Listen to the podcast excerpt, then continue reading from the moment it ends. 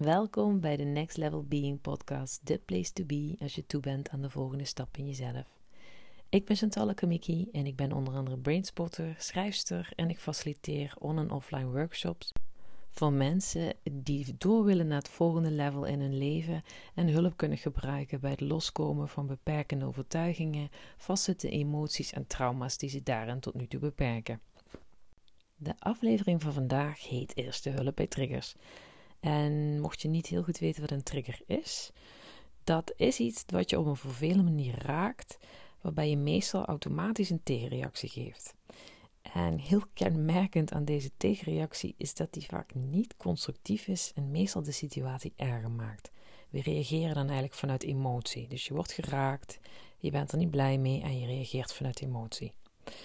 Vandaag wil ik je laten zien hoe je deze triggers als informatie kunt gebruiken en hoe je constructief met een trigger om kunt gaan. Nou, of je nu single bent of in een relatie zit, dat maakt helemaal niet uit, want iedereen wordt getriggerd uh, door je partner, je moeder, je collega of de onbekende in de winkel. Want iedereen heeft het vermogen om ons te raken. Iemand kan iets zeggen, iets doen en dat kan ons een vervelend gevoel geven.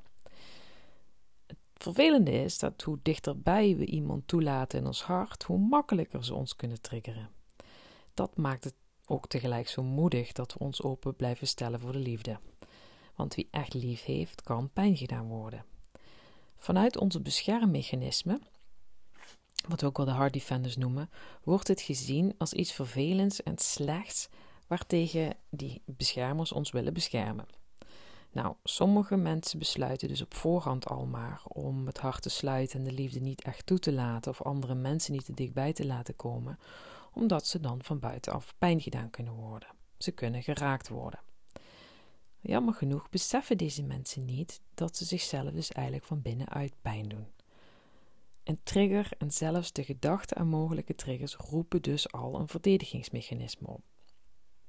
Nou, ik heb het al eens eerder genoemd, maar in de gratis Hard Defender test op mijn website kun je echt heel snel helder krijgen wat jouw persoonlijke thema's zijn waarin je dus snel getriggerd raakt en wat je waarschijnlijk dan uit bescherming tegen die triggers bent gaan doen.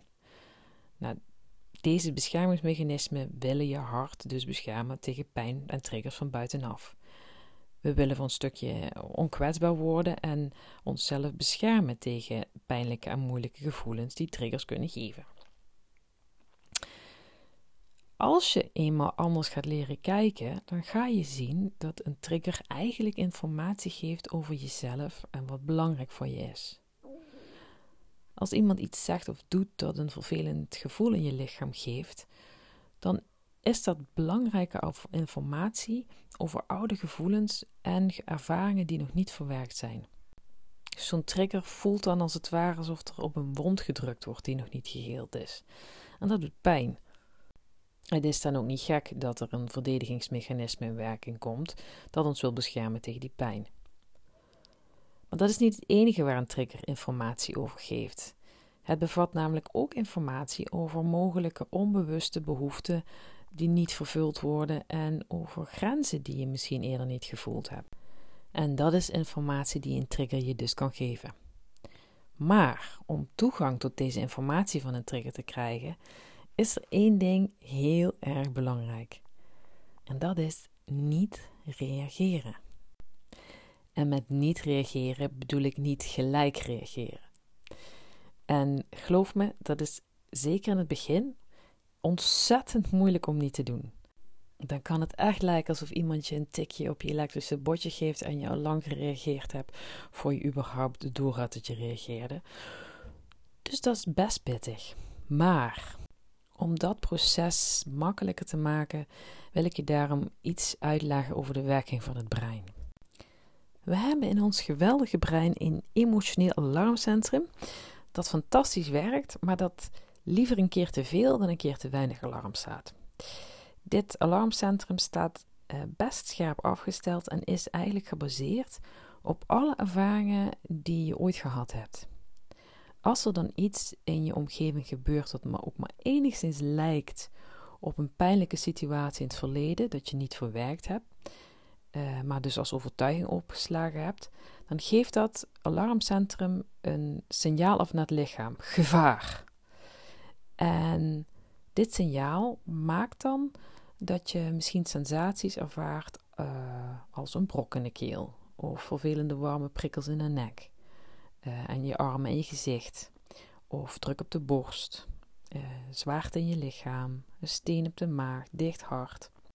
En de sensaties die je lichaam als signaal krijgt, die horen specifiek bij de herinnering die dus in dat emotionele alarmcentrum opgeslagen zit. Uh, als je dus vroeger bang reageerde of boos reageerde of um, weg wilde vluchten of jaloers werd, wat voor emotie daar toen ook bij hoorde, dat wordt nu weer als signaal afgegeven in de vorm van sensaties in je lichaam. Onze mind is het gedeelte van ons brein dat conclusies uit onze ervaringen en sensaties trekt en ons op basis van die conclusies wil sturen en beschermen. De mind krijgt dus eigenlijk van het lichaam een signaal dat er vervelende, warme prikkels in de nek, armen en gezicht zijn. Uh, misschien dat er een verhoogde ademhaling is. En gaat vervolgens op basis van deze informatie conclusies trekken. Tegelijkertijd gaat het als een razende in de buitenwereld op zoek naar de oorzaak van deze vervelende sensaties in de binnenwereld, oftewel het lichaam. Meestal leidt het tot een van de twee volgende uitkomsten. Ofwel is de situatie of de persoon die deze vervelende sensaties opwekt niet oké en moet de situatie of de persoon veranderen zodat wij ons weer goed kunnen voelen. En ja, soms klopt het gewoon dat iemand ook gewoon over je grens gaat en heeft boosheid gewoon echt een plek. Waarbij je gewoon zegt: hey, dat vind ik niet oké, stop ermee, klaar. Maar heel vaak ligt het net iets anders en genuanceerder en maken we de ander eigenlijk onterecht verantwoordelijk voor ons gevoel. Ja, en dan krijg je gedoe. Een andere uitkomst die de mind kan bedenken is dat we zelf de oorzaak van de trigger zijn en worden wij zelf als niet oké bestempeld. Dan worden er juist vaak schuldgevoelens of minderwaardigheidsgevoelens getriggerd. En om onszelf weer tegen die pijnlijke gevoelens te beschermen, gaan we dus als tegenreactie, als automatische tegenreactie, gaan we dan pleasen of onszelf kleiner maken of de situatie vermijden. Dat is dus allemaal geen constructieve manier van reageren en omgaan met triggers. Nou, nu je een beetje weet hoe dit triggermechanisme dus werkt in je mind en in je body, kun je er ook je voordeel mee gaan doen. Nou, de kunst om op een goede manier met triggers om te gaan, is dat je letterlijk leert om stil te staan bij jezelf. En hiermee bedoel ik dat je vanaf het moment dat je sensaties waarneemt in je lichaam die niet fijn zijn, dat je echt letterlijk even stil leert staan. Of zitten of liggen natuurlijk. Je hoeft hiervoor niet eens goed in contact met je emoties te staan om wel het onderscheid in jezelf tussen fijn en niet waar te kunnen nemen. Als je dus merkt dat er iets in jezelf ontstaat dat niet fijn voelt, weet dan dat je geraakt bent. Je hoeft dan nog helemaal niet precies te voelen wat je voelt, of welke emoties je hebt, of waardoor je geraakt bent. Het enige dat je waar gaat nemen is dat je geraakt bent. En dat voel je door het simpele feit dat er ineens iets in jouw lichaam, iets in je systeem geactiveerd is wat gewoon niet prettig voelt. Nou, en op het moment dat je geraakt bent, is je mind al bezig met het zoeken naar de oorzaak, zoals ik dat eerder al aangaf. En het graaft daarbij als het ware in het archief van oude overtuigingen om de bijbehorende hard defenders en reacties te verzamelen. Door je aandacht bewust te leren sturen naar de sensaties in je lichaam, doorbreek je het patroon van de reflexreactie. De mind gaat er namelijk automatisch vanuit dat er gevaar vanuit de buitenwereld dreigt als we ons ineens niet fijn voelen. Door je aandacht dus bewust naar je lichaam, oftewel je binnenwereld te richten, te brengen, ontvangt de mind automatisch het signaal dat het gevaar van buitenaf toch niet zo groot is, want blijkbaar is er genoeg veiligheid om de aandacht in de binnenwereld te richten. Nou, door je aandacht op de sensaties van de trigger in je lichaam te richten, zorg je automatisch ook voor dat je de zogenaamde verhalenkraan van de mind dichtdraait. Nou, deze verhalen bevatten vaak aannames over de situatie en bevestigingen van oude pijnlijke overtuigingen, die vervolgens weer als olie op het vuurtje van de trigger zijn. De reden dat de mind dit doet, is om ons op deze manier aan te zetten tot de reacties die in ons verleden geholpen hebben om met pijn om te gaan. En dat heeft weer alles te maken met de efficiëntie van de mind. Want dat wat het beste geholpen heeft, blijf je gewoon herhalen. Totdat je dus iets beters leert. Nou, en deze manier die ik je wil bijbrengen om om te gaan met triggers, is uiteindelijk een betere manier. Alleen geldt ook nu met alles wat je nog niet onder de knie hebt, zul je moeten oefenen doordat het vanzelf gaat. En net als alle begin kan het lastig zijn om dit te oefenen. En toch is dit wat je te doen hebt als je voorbij dezelfde thema's en triggers wil komen die je al zo lang raken en eigenlijk ook op dezelfde plek houden. Triggers zijn namelijk niet bedoeld om het leven moeilijker te maken, maar het is mijn overtuiging dat het leven je deze triggers blijft geven, zodat je vanuit een volwassen en nieuw standpunt kunt kijken naar oude pijn waar je vroeger niet mee om kan gaan, waar je vroeger een manier van omgaan uh, bij hebt geleerd, maar die nu niet meer werkt en waarbij je dus nu op een andere manier mee kunt leren omgaan, die eigenlijk veel fijner is. Het paradoxale is dus eigenlijk dat triggers de bedoeling hebben om je vrij van diezelfde triggers te maken, zodat je vrij wordt van oude pijn in plaats van ja, rondjes te blijven draaien en oude overtuigingen die al lang niet meer kloppen en je beperken in je leven. Als je dus door iets of iemand geraakt wordt, kun je dit dus als een cadeautje gaan zien. Dat is misschien een far stretch, afhankelijk van de triggers die je hebt. Maar als je het wel op deze manier kunt gaan bekijken, wordt het vaak iets makkelijker al om te oefenen met stilstaan bij jezelf en waar te nemen wanneer je echt geraakt bent. En om dus niet uh, vanuit die geraaktheid te gaan reageren.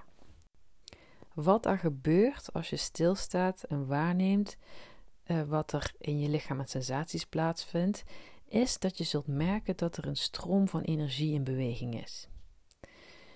Uh, in het Engels zeggen ze: emotion is energy in motion. Oftewel, emoties zijn energie in beweging. En dit is precies wat je zult observeren als je stilstaat bij de sensaties die een trigger in je lichaam oproept. Stel je voor dat je samen met een collega aan een project gewerkt hebt. En aan het einde van het traject geeft je werkgever je collega echt een heel groot compliment en vergeet jou daarbij te noemen. Als je hierbij niet leert stilstaan bij de sensaties in, in je lichaam, kan het zijn dat je verontwaardigd reageert, of boos reageert, of dat je dichtslaat, dat je niks wil laten merken. Maar als je de tijd neemt om echt even stil te staan bij het gevoel, bij de sensaties in je lichaam, dan kan het zijn dat je voelt dat er een vervelende prikkeling door je lichaam trekt. En dat je die prikkeling in je gezicht voelt dat misschien je hart wat zwaar voelt. En het kan zijn dat je dus overal bepaalde kleine sensaties voelt of grote sterke sensaties die je eigenlijk willen aanzetten tot reageren. En op het moment dat je dat niet doet, dan word je dus waarnemer van deze sensaties. En je volgt dus daar waar je aandacht eigenlijk het meeste naartoe getrokken wordt. En terwijl je dit doet, blijf je rustig ademen en dan kan het op een gegeven moment zijn dat er verdriet komt, dat er tranen komen, dat er helder wordt wat er geraakt wordt. Misschien herkende je dit wel van thuis uit en kreeg je broer of zus altijd meer complimenten en voelde jij je over het hoofd gezien en had je de overtuiging dat jij niet gezien wordt, dat je niet goed genoeg bent. En die wordt eigenlijk geraakt. En heb je eigenlijk contact met de behoefte om gezien te worden en erkenning krijgen voor wie jij bent en wat je doet. En dit kan natuurlijk met alle triggers gebeuren. Waar het dus om gaat is dat als je je lichaam toe kunt staan om de energie door je heen te laten bewegen, dat het dan heel goed mogelijk is dat je dan inderdaad ineens moet huilen, of dat je die zucht of een schreeuw zelf wil geven. En het kan zijn dat er ineens herinneringen bovenkomen en de eerste keer dat je deze trigger voelde. Op deze manier heelt dus de trigger de oude wonden. En tegelijkertijd maak ik contact met een oude behoefte, zoals net, de, behoefte om misschien gezien en erkend te worden. Maar je maakt dus contact met de behoefte die eronder ligt. En voordat je het weet, en hier gaat het om, heb je dus contact met je eigen hart en je eigen kwetsbaarheid. En dat is waar je zijn moet.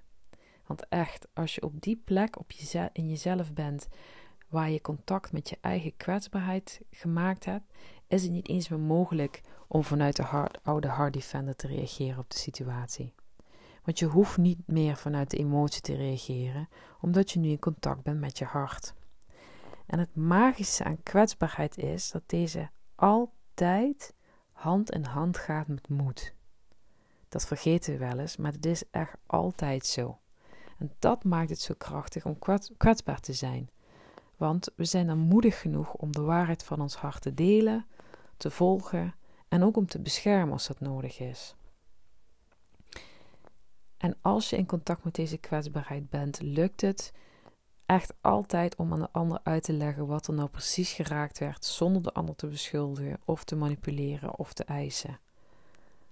En dat maakt dat triggers niet iets zijn waartegen we ons moeten bewapenen of verzetten, maar iets dat we echt als vermomde zegeningen kunnen gaan zien en leren ontvangen. Ik hoop dat ik je met deze podcast geholpen heb om iets meer inzicht te krijgen in je eigen triggers en in hoe het werkt en hoe je daarmee om kunt gaan.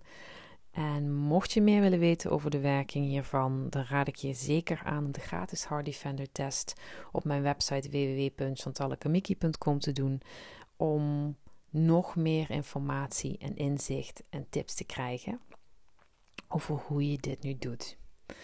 Voor nu wens ik je een hele fijne dag en natuurlijk dat mocht je getriggerd raken, dat het je lukt om erbij stil te staan en je te laten helen.